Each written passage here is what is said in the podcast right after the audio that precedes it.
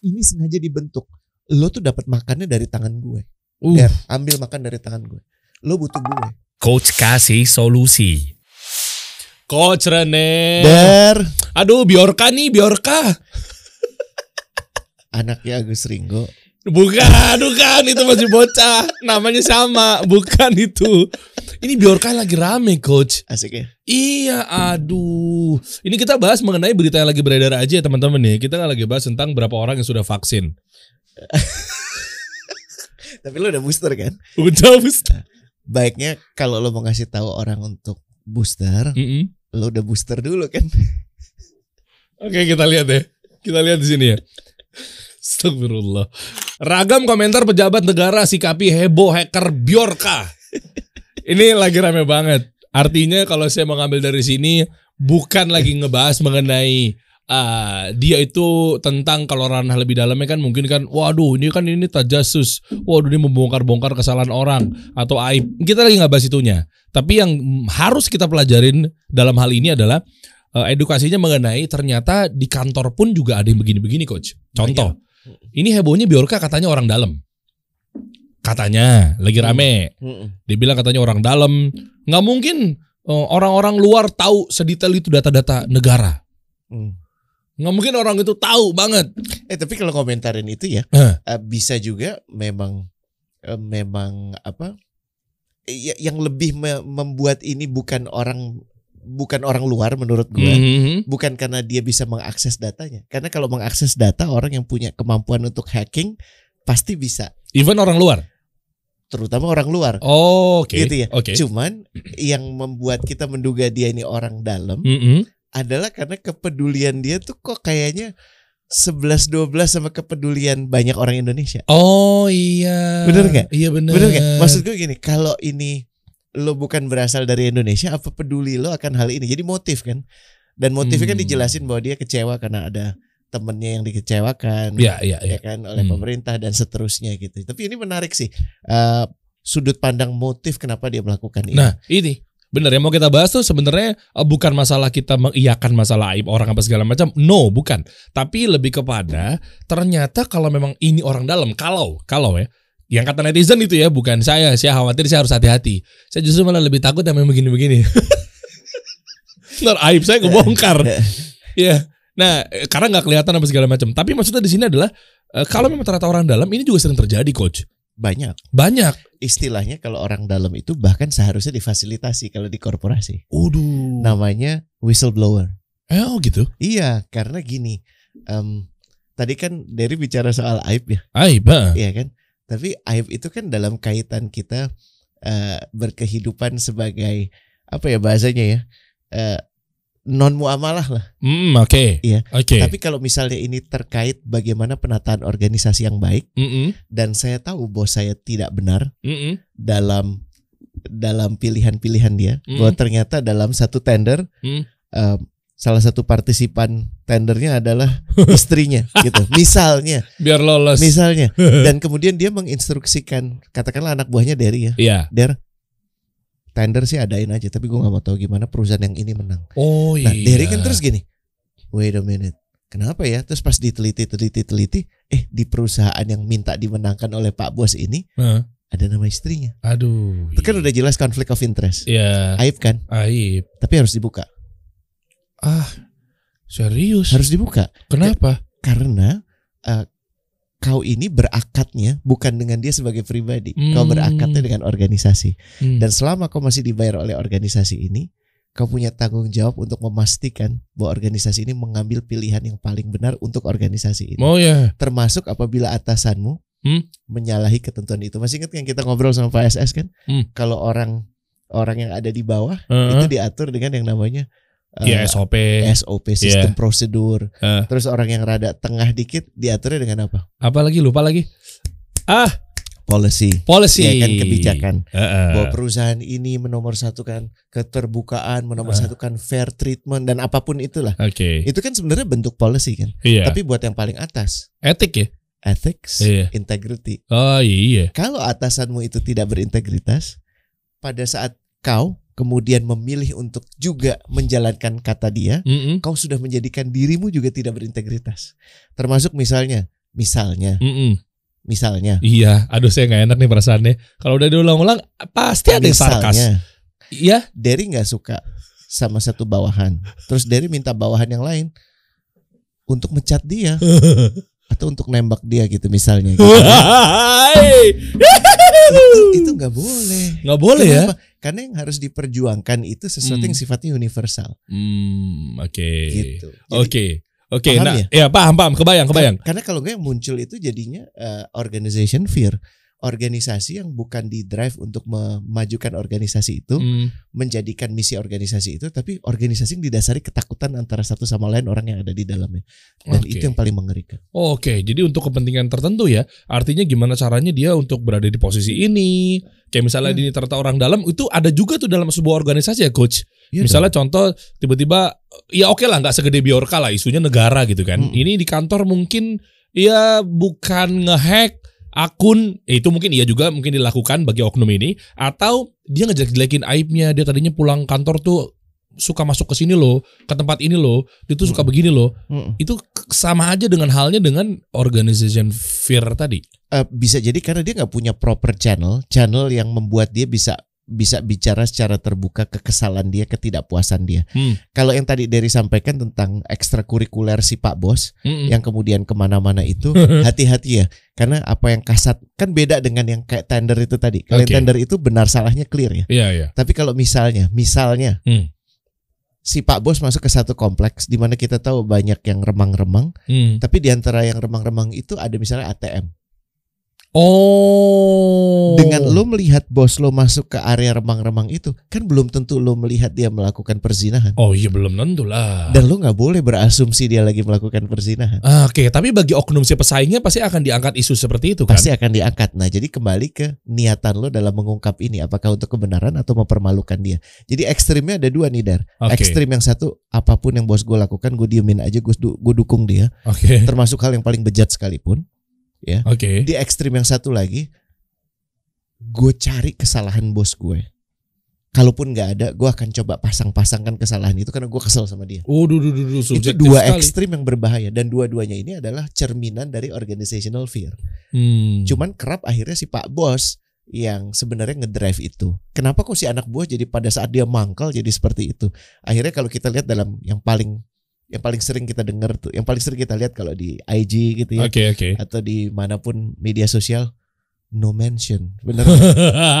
Emangnya kalau nyuruh orang pulang malam terus dianya bisa pulang lebih awal. Hashtag no, no, mention. mention. Tapi kan kita dengan mudah tahu nih kutu kuprat kerja di mana gitu kan. Heeh. Ya kan terus enak aja dia nyuruh-nyuruh orang untuk beliin makanan buat hamster anaknya. Dikiranya gue budak. Iya ya. Hashtag No, no mention. mention. Iya kan orang Wah, tuh udah parah. nebak bahwa ini lagi bicara tentang bosnya dan sesungguhnya pada saat lo melakukan itu lo nggak memba- mem- memunculkan solusi apa-apa. Lo malah bikin hidup lo lebih parah karena lo dilihat tukang ngomongin. Itu dia tuh. Bukan yang ini yang gue maksud ya. Iya iya. Jadi iya. emang kalau secara umum kita ngelihat 11 12 tapi beda sekali. Bumi langit. Kalau lu sudah bekerja baik disuruh melakukan pelanggaran, ya laporkan. Hmm. Tapi kalau lu emang punya urusan pribadi dengan bos lo yang belum selesai, ya selesaikan dengan dianya dong. Gitu. Nah, Hmm, ntar oke. kita bahas organizational fear. Tapi ini Eh, salah satu bentuk organizational fear sebenarnya. si kasus Biorka ini. Ya, mak gue nanya deh. Hmm. eh, Kalau lu nggak ada yang lu tutupi, lu ketakutan nggak untuk dibuka? Ya enggak lah.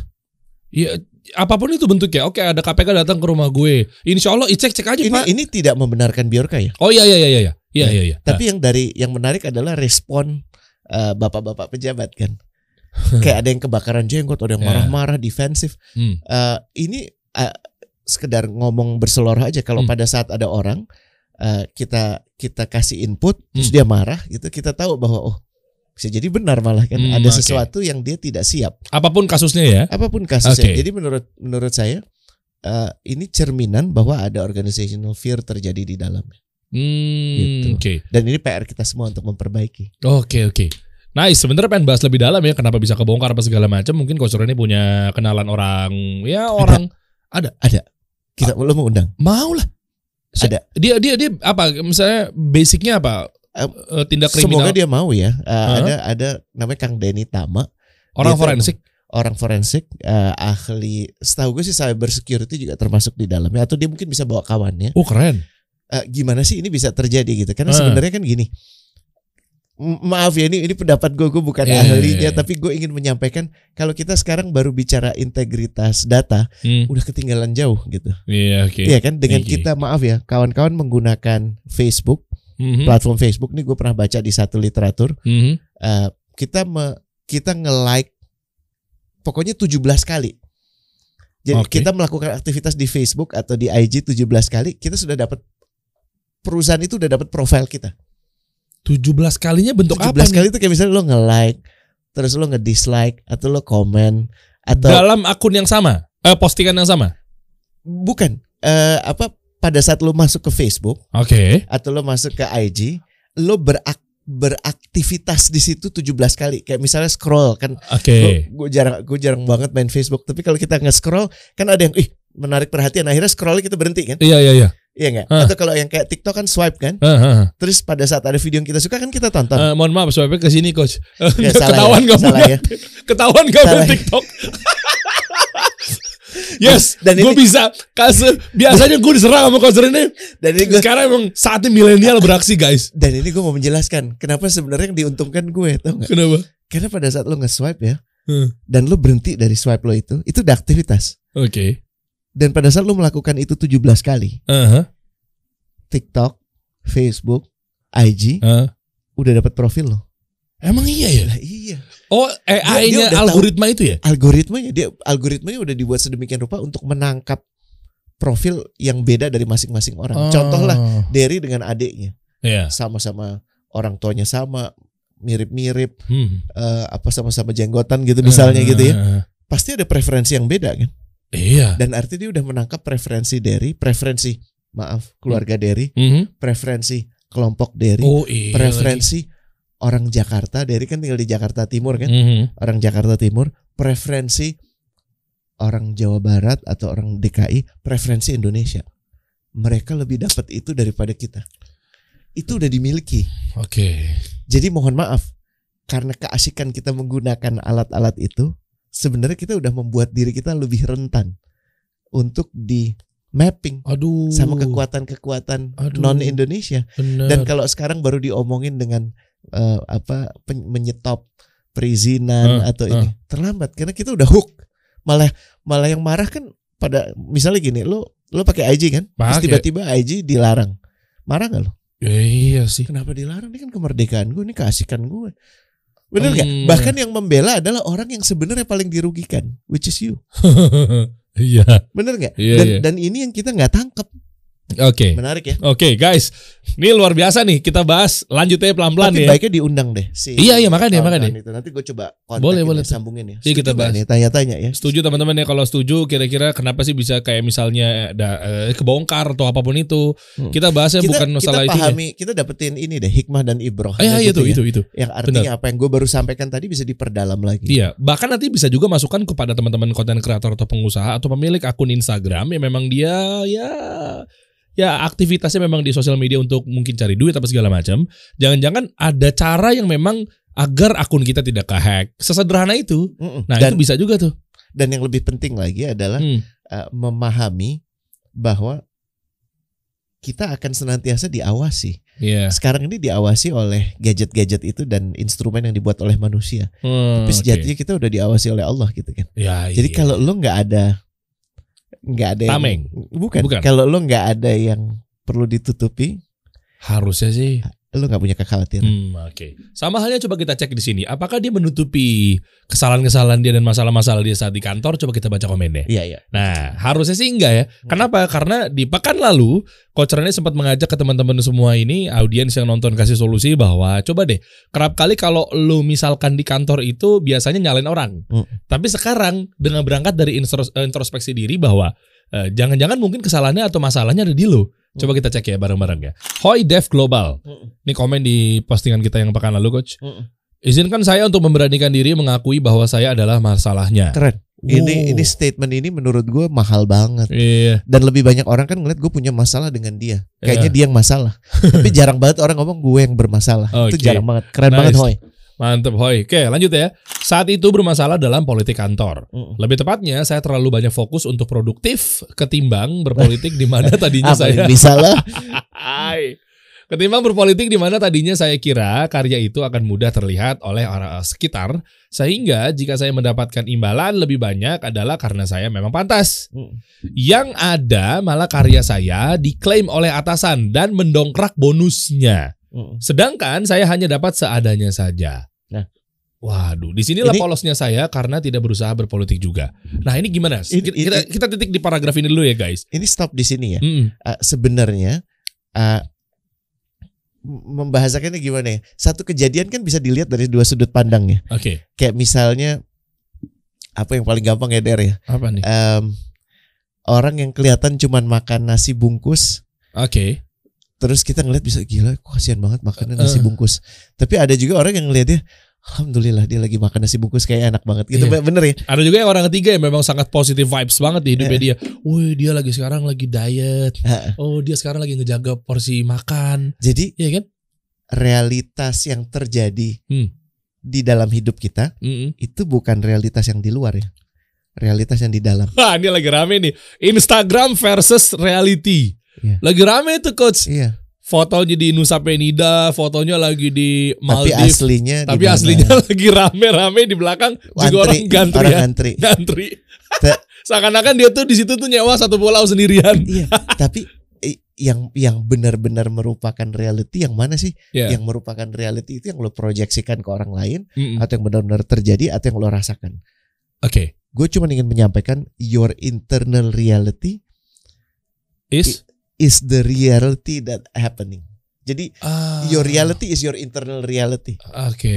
Kan- Masih masih inget ya? Hmm. eh, orang terbaik, orang yang istimewa itu adalah orang yang hatinya bukan dia yang sibuk menjaganya, tapi Allah. Oh. Makanya kan disebutnya kolbul salim, Hmm. ya kan terus disebutnya eh, ya di kolbohu Hmm, betul ya hmm, di kita sebagai muslim Hmm. bahwa ya Allah eh, kau yang mema- yang menjaga hati ini kokohkanlah hati ini di jalanmu Ya. jadi yang dirasakan adalah mutmainah perasaan damai apa pun yang terjadi di luar sana Hoi udah benar yang pertama Oke.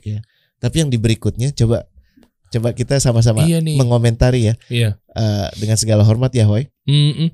menurutku ini tanda keberhasilan dia yang perlu dia syukuri bahwa karya dia diambil alhamdulillah Nah, cuma di sini dititik beratkan apakah gua harus bermain politik juga, coach? enggak Oke. enggak kenapa pada saat lo bermain politik lo akan membuat diri lo jadi serendah dia perkara lo dapat imbalan lebih sedikit bos lo lebih banyak nggak seberapa kan ukuran Hoi saat ini karena membandingkan dengan pendapatan bosnya bener nggak iya.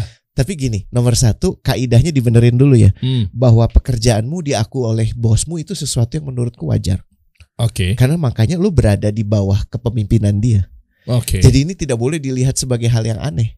Karena keberhasilannya Hoi udah pasti keberhasilan bosnya. Hmm, Paham ya?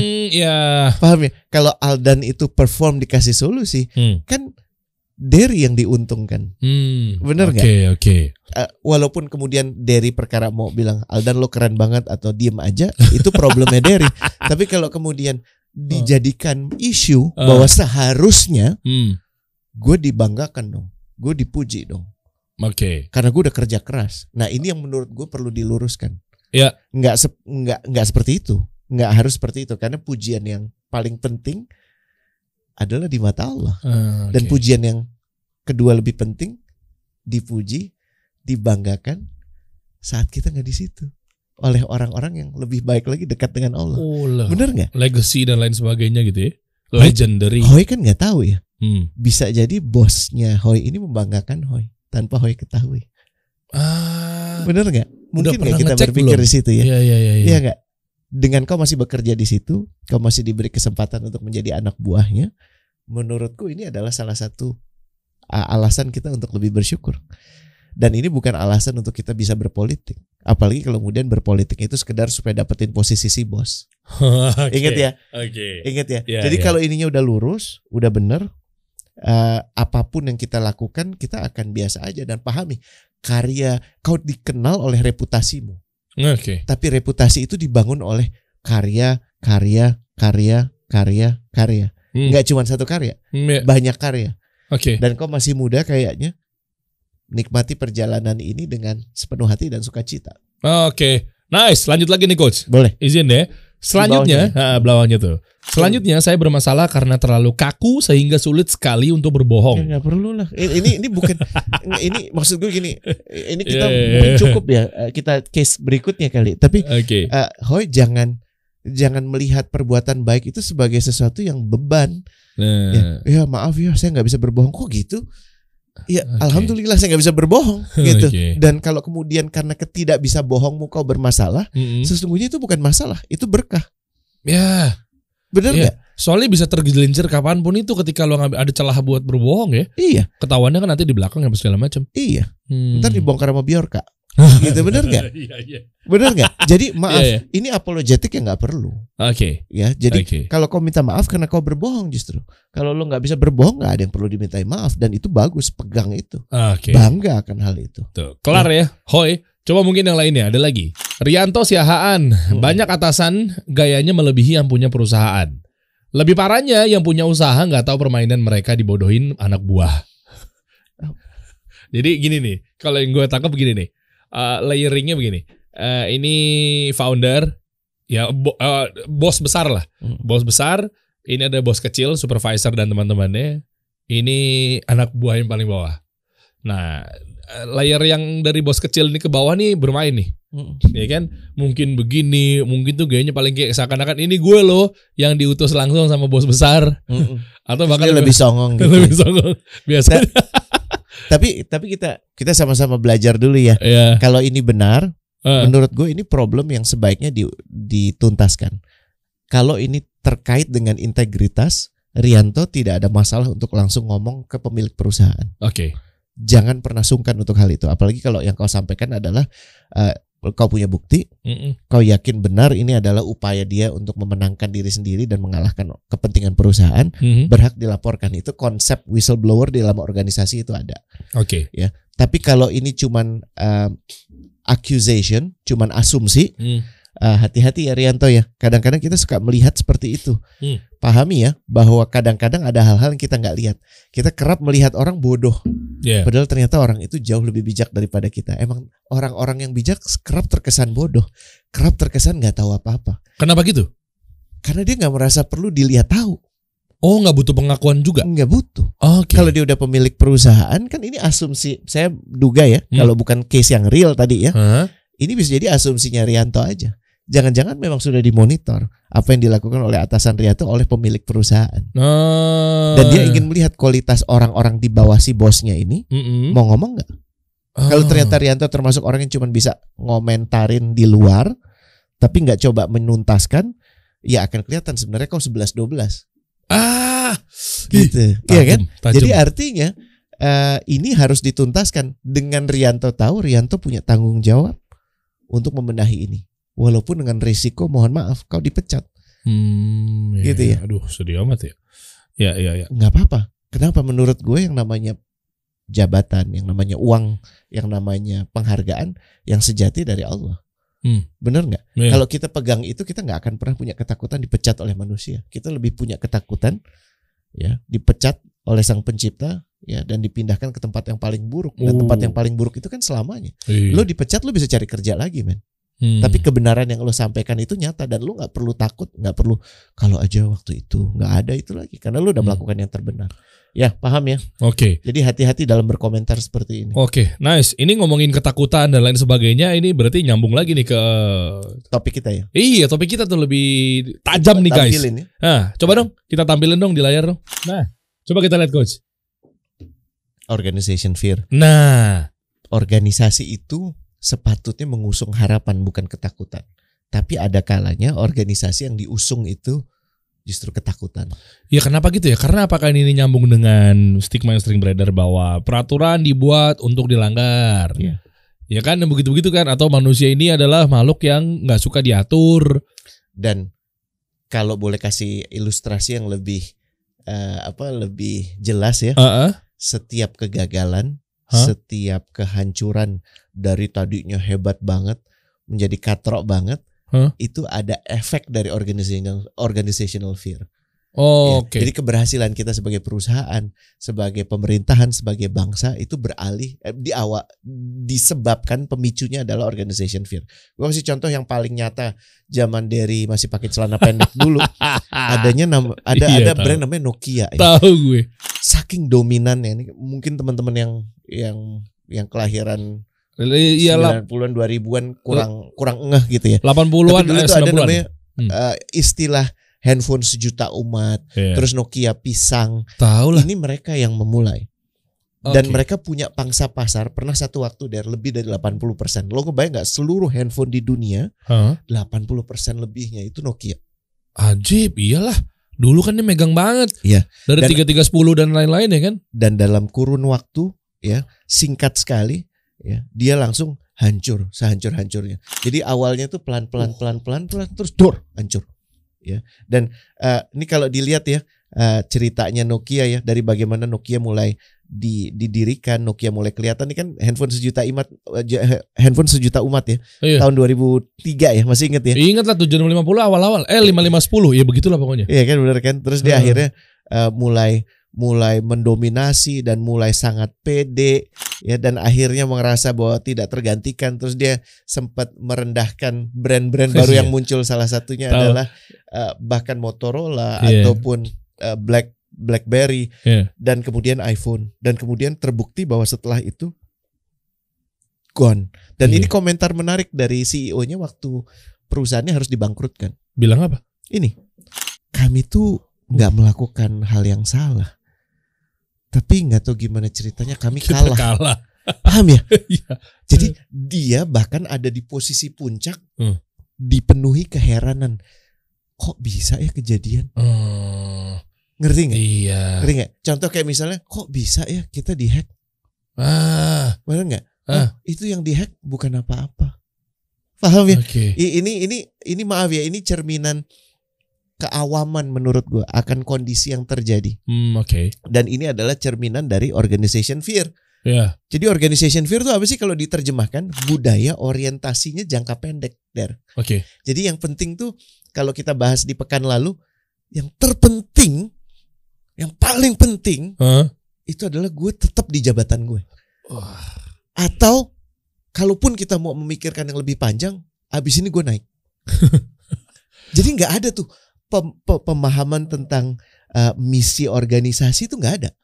Ya, sementara kan kita pernah bahas ya bahwa yang paling penting dalam organisasi mesti punya clarity misi Iya. dan misi itu dari Pak Bos sampai remah-remah momogi paham kenapa sih organisasi ini ada, dari kenapa sih kasih solusi ada, dari Nah. bisa ngomong namanya juga kasih solusi Iya. tugas kita adalah membantu yang namanya UMKM Muslim mendapatkan solusi-solusi akan proses hidup mereka, Iya. akan proses bisnis mereka, bener nggak? Iya. Itu misi kan, Dar? Iya. Jadi nggak akan ada selesainya misi itu. Lo nggak akan bilang gini, "Ah, alhamdulillah misi saya sudah selesai. Nggak ada. Artinya misi lo tuh terlalu cemen. Kalau misi saya adalah makan siang, ya udah lo beli makan Iya. siang aja selesai gitu. Ya, Tapi ya, kalau misi lo adalah memastikan semua orang Indonesia merasakan makan siang yang enak, Wih. itu nggak akan selesai. Paham ya? Panjang. Paham ya? Karena orang tiap hari lahir, meninggal, lahir lagi Dan terus. ada orang yang mampu, ada orang yang nggak mampu. Iya. Jadi fokus lu udah jelas bukan kepada orang yang mampu karena mereka tinggal milih mau makan di restoran Padang atau beli restoran Padang gitu kan. Iya kan? Kurang ajar gaya, gaya banget ya. Ada Gaya mau makan ya. siang nih, beli restorannya boleh nggak? Gila makanannya enak banget gue beli restoran lo ya bro. Nggak, tapi bener kan? Clear ya. Ya. Jadi misi itu nggak bisa nggak bisa enggak harus clear dan misi itu nggak bisa cuman tersentral di hidup lo. Iya. Dari misi itu baru diterjemahkan ke dalam transparansi dan dari transparansi pasti nanti akan ada orang ngomong, Pak Dery, aku nggak ngerti masuknya maksudnya kasih solusi itu solusi buat siapa Pak? Oh buat UMKM Muslim. Oke, kalau non Muslim gimana Pak? Itu pasti akan ada pertanyaan seperti itu kan? Iya, iya. Dan Dery harus menjawab, Iya. iya kan? Oke. Iya kan? Dan apakah jawabannya kami ingin sekali agar uh, rahmatan lil alamin dirasakan oleh semua Oh iya dong. orientasi kami pertama memang kepada kebutuhan muslim karena ini sesuai dengan aturan yang ada. Tapi kalau ada orang-orang di luar itu merasa terbantu dengan ini, maksud kami akan bilang nggak boleh karena kami hanya memberikan kasih solusi untuk umat muslim. Oh ya enggak nggak dong. boleh. Ya, sementara muslim aja bisa bermuamalah sama siapa aja. Makanya ini kan ada butuh ada voice, Ber- Iya, bener nggak? iya, Supaya betul. orang kan pada saat dengar satu hal dia akan berorientasi. Oh, kok ada penyebutan kata muslim? Kalau gitu kenapa namanya nggak kasih solusi muslim? Betul nggak? Ah, Oke. Betul nggak? Iya, Dan ini justru ruang dialog karena Derry bisa menjelaskan. Hmm. Kalau dia clear dia akan ngomong ke kanannya. Oh, gue udah ngobrol sama Derry. Enggak kok. Idenya tuh ini. Khususnya emang buat muslim. Tapi rahmatnya bisa dirasakan oleh semua. Gitu kan? Ajib. Nah, ini ini nggak akan terjadi kalau nggak ada voice dan kalau fokusnya adalah jangka pendek. Yang penting profit. Mau Ah, ancur-ancuran kayak gimana? Profit. Dalam prosesnya alam tambah buruk, kualitas hidup tambah jelek, profit. oh ya enggak Kenapa gitu dari lah. profit gue bisa dapat tantiem gue? Bener nggak? Anda ambisius sekali ya, wahai. Ya nggak? Kalau begitu. Bismillah, komisaris. Bener nggak? Dengan gue menetapkan perusahaan ini nggak Hmm. boleh rugi, perusahaan ini harus untung. Nggak peduli yang diinjak siapa, kebutuhan apa pun yang lebih besar dikalahkan selama perusahaan ini profit. Mau Oke. perkara nanti setelah nggak dipegang gue rugi itu urusan dia. Yang penting sekarang profit. Lah itu kan sakit. Iya iya iya. Orientasinya jangka pendek. Karena Oke. orang kalau udah mikirin profit, nggak mikir bagaimana profit profit itu bisa terjadi. Nggak peduli. Yang penting profit. Ah, Mau oke. perkara gue ngadalin sedikit eh, hitung-hitungan, eh, hitung keuangan mudah sekali ya. Iya, iya. Di di misalnya baru beli satu triliun, ya udah gue bilang pembayarannya di di dijedakan setiap 10 tahun aja. Jadi tahun ini diperhitungkan cuma 100 miliar. Kan ada 900 miliar yang bisa lo kalkulasi sebagai pendapatan Ah, wow. atau sebagai biaya yang tidak di Iya. belum dikeluarkan. Ya artinya manipulatif lah. Iya, manipulatif dan budaya orientasi jangka pendek tuh memang seperti itu, Der. Fokusnya memunculkan ketakutan. Ah, Tambah oke. lagi apa? Ditandai oleh para pimpinan yang temperamental dan anak buah yang ketakutan. Oh, udah jadi tuh. Udah Selesai. Ini namanya selesai. perfect storm organization fear. Bos yang nggak mau tahu. ya, Oke. Yang penting harusnya gue bilang apa pun itu pokoknya kata-kata itu. Oh, Dan narasi-narasi itu anak ya. buahnya nggak ada yang berani. Pak, maaf. Kayaknya bapak salah. Hmm. Pak, maaf di luar nggak kayak gitu, Pak. Eh, jago Nggak- sekali kalau ada bisa ngomong. begitu. Nggak ada yang ngomong. Oh, ditambah lagi begitu. Nggak ada yang ngomong. Dan di Oke. beberapa organisasi yang keren, justru di di apa dibuat insentif agar anak buah tuh berani bukan ngelawan ya berani ngomong stand up ke atasannya Oke. karena yang paling ngerti case di bawah kan anak buah Oke, berarti artinya gini. Ini ini gue nangkep nih coach. Artinya yang di atas juga harus nurunin sedikit egonya, yang di bawah juga harus naikin sedikit.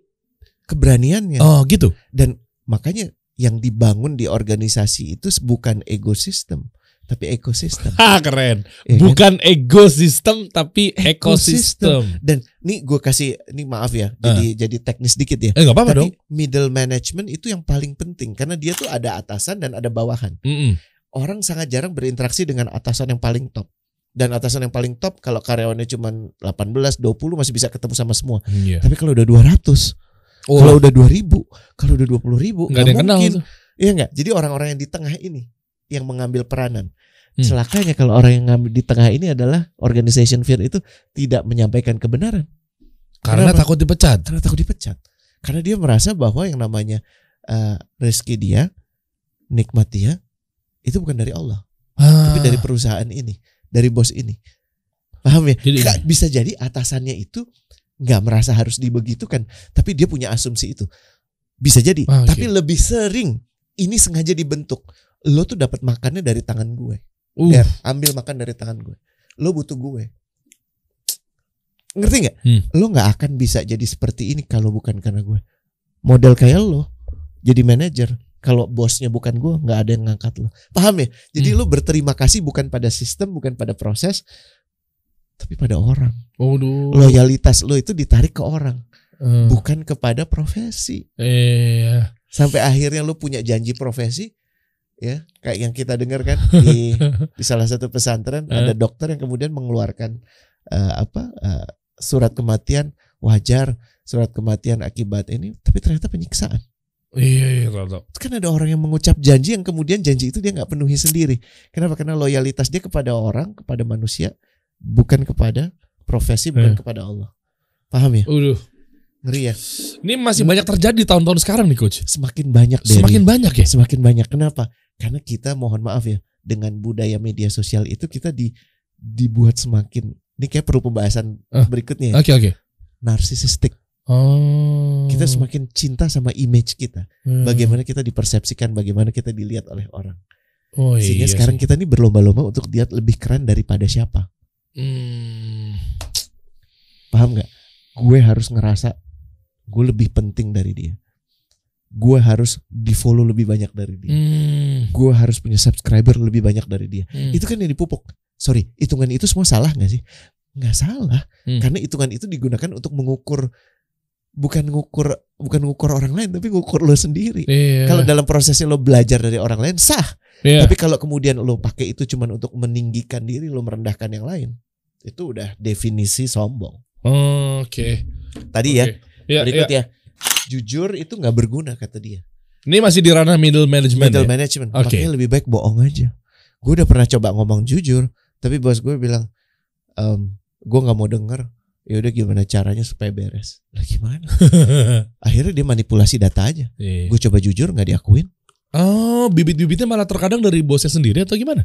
Hampir selalu menurut gue 90% der. Oh. Jadi bagaimana anak buah itu menjadi tergantung atasan. Karena atasan yang punya influence terbesar. Mm-mm. Kita pernah bahas ya, Ya. kalau lo punya masalah di organisasi lo dan masalah itu ternyata paling sering itu karena apa coba? Hmm. Karena bos lo. Kalau lo punya hubungan yang buruk sama bos lo, 70% energi lo hilang. Dan itu energi yang sama yang lo butuhkan buat cari kerjaan lain. Makanya gue bilang kalau udah punya problem sama bos lo tidak bisa dijembatani, cabut. cabut. Iya. Lebih sehat begitu. Lebih sehat begitu. Ya. Sama kok problemnya juga. Benar kan? Lo paksain di situ, lo begitu berdarah-darah. Ketika lo keluar sejenak, lo cari pekerjaan, iya kan mulai lagi dari nol juga sama aja. Atau pada saat lo paksain, Eh. akhirnya lo ada di posisi ini. Lo nggak merasa jujur tuh berguna. Oh, dan akhirnya ya udah gue bohong aja dan lu mu- maaf ya komentar yang tadi si Hoy ya Hmm. Eh, maaf eh, saya orang yang maaf saya orang yang sulit untuk berbohong lu gimana sih lu harusnya bangga nggak berbohong. Oke. paham ya? Nggak nggak usah apologetik. Oke. intimidasi kulturnya. Ah. dan merasa nggak ada harapan. Duga dan intimidasi ini gini ya. Intimidasi itu bukan awas ya der. Nggak gitu. Cuman gini. Aduh itu lebih sakit tuh begitu. lebih tajam kadang pisaunya kalau begitu. segini aja. Nggak ada nggak ada ini kan? Gak ada. nggak ada kata sebut, nggak ada subjeknya, nggak ada kamu kok begini aja. Itu Eh. kadang-kadang malah lebih gampang dicerna gitu. Eh. Tapi kalau cuman lirikan mata, terus dia ngeliat lo ke atas, ke bawah, ke atas, ke bawah. Jadi dari mata aja tuh bisa merendahkan orang, bisa mengintimidasi orang loh. Dahsyat. Bener nggak? Iya iya iya. Atau bahkan yang ditegur gitu ya. Selamat pagi pak, terus, hmm, Ah, udah mikir tuh seharian tuh. iya kan? Bisa nggak mood tuh Iya nggak? si pegawainya tuh. Itu malah justru yang diem-diem begitu malah lebih obvious. Kenapa ya, coach? Ya karena kan yang namanya kita kan belajar komunikasi ya. Hmm. Itu kan komunikasi yang yang apa ya bahasa yang tersirat tuh lebih dalam biasanya Daripada yang tersurat. daripada yang tersurat subliminal. Kalau lo maki-maki gue, gue tahu banget lo brengsek. Iya. Feeling gue ke lo tuh marah, clear. Oke. Tapi kalau lo merendahkan gue, Hmm. kan gue nggak perlu ngomong. Gue cuman terus lo ngerasa gini, dia dia ngerendahin gue, gue salah kah? Jadi bingung. Energi yang dibutuhkan lebih banyak, bener nggak? Oh iya gue bener. pantas, jangan-jangan gue emang pantas direndahin. Lah, Oh iya. tambah Oh. tambah hancur, bener nggak? Oh iya. Makanya bu- buat bos itu tidak boleh ambigu. Lebih baik kalau lo nggak suka, lo bilang gue nggak suka kerjaan lo yang ini. Bukan gue nggak suka lo. Oh ngerti gua, ngerti gua coach. Gini guys, eh, ada tipe dua bos nih misalnya. Heeh. Ini coba gua gua eh, ini ya. eh, takutnya salah gitu ya Heeh. nangkepnya coach Rene. Eh, guanya. Eh, intinya yang pertama kalau memang ada bos bos yang memang dia clear, eh, energi pegawai pun juga. Bertambah clear, Nah. dia dapat clarity. Oke, selesai di sini. Akhirnya gua tahu salah gua di Gue mana. kesel sama, Nah, gue boleh kesel, tapi bos gue make sense karena Oke. dia marahnya kualitas pekerjaan nah gue. setelah itu energi nggak habis untuk dipakai buat mikir, keseharian, gue gimana ya? sehingga eh, kendaraan atau perusahaan tersebut juga ya udah akan kembali normal. Yes. Tapi kalau tipe bos yang kedua cuma kayak sini-sini doang begitu. Coba Dan- kamu pikir deh. Nah, si pegawai pasti akan berpikir bahwa yang tadinya harusnya tuh Terus- perusahaan berjalan dengan normal, Terus dia- tapi waktu seharian office hour tuh kepake buat Terus kebayang gak dia mikirnya Itu. apa Der? apa? Gue salah ya? Salah gue apa ya? Kok dia sampai marah kayak begitu? Tapi gue nggak tahu dia marah gak ya? Terus habis itu, habis ini jangan-jangan gue dipecat. Terus gue nyari kerja di mana? Gila, panjang Oh. sekali Iya, iya, iya, iya. was-wasanya itu. Dan Iya, itu iya. yang disukai sama syaitan. overthinking, jadi anxiety. Iya. Hmm, Bener ya? Berarti dari atasnya juga sih Anda jadi bos bagaimana? Betul. Intimidasi itu Hmm. tadi. Ya. Nah sekarang kita bicara top management ya Der ya. Oke, Mumpung di atasnya ada nih. waktu. Sekarang Hmm. atasan nih. Dia tidak pernah ini ini berbahaya sekali. Model-model atasan yang tidak pernah mau mengakui secara terbuka kekurangan, kesalahan dan kegagalan. Oke, contohnya? Dari satu project gagal. Iya sih ada kesalahan anak buahnya. Tapi tugas atasan adalah mengatakan gini, saya gagal membimbingmu. Ah, Saya yang salah. Oke, Itu nggak terjadi kalau di kultur yang eh, apa Hmm. or- organization fear. oke. Kalau ada salah, salah anak buah. Kalau ada yang benar, benar gue. Benar nggak? Oke. Nah itu yang terjadi ya. Oke. Ini mohon ya, bukan digunakan untuk menilai orang lain, Heeh. tapi tolong nilai diri sendiri ya. Oke. Oke. Oke. Karena kalau nilai orang lain gampang banget gitu. Hmm, Oke. Next, Oke. dipenuhi ketakutan akan segala hal eksternal. Biasanya, ini bacanya gini ya Der ya. Oke. Kalau lo ngeliat ke organisasi, ngomonginnya itu selalu eksternal.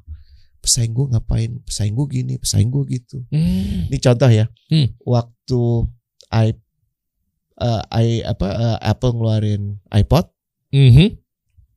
dia cuma memunculkan desain terbaik dengan warna dengan apa pun. Eh, dia so- cuma ngomongin kalau lo termasuk anak muda yang trendsetter lo pakai iPod. Oke. iPod tuh kayak iPhone tapi nggak ada teleponnya zaman dulu. Zaman dulu ya yang cuma buat muter muter lagu. muter lagu doang, music player. Microsoft waktu itu bikin Zune namanya. Oh iya ya. Ya, Oke. mirip seperti itu, kapasitasnya tiga kali empat kali lebih besar, Oh, Oke. warna-warni, Oke. ya kan? Ah. Tapi yang namanya Microsoft waktu itu Hmm. Dipimpin oleh Pak Steve Ballmer, Hmm. fokusnya adalah lebih banyak membahas kompetitornya. Contohnya gimana? Emang iya? Gue gue pernah ya di waktu itu kan gue terlibat di pendidikan gitu ya, Mhm. Eh, dan banyak interaksi dengan para perusahaan-perusahaan Silicon Valley ini. Oke. Kalau di konferensinya kawan-kawan Microsoft yang dibahas adalah bagaimana yang lain tidak lebih baik dari mereka. Oke.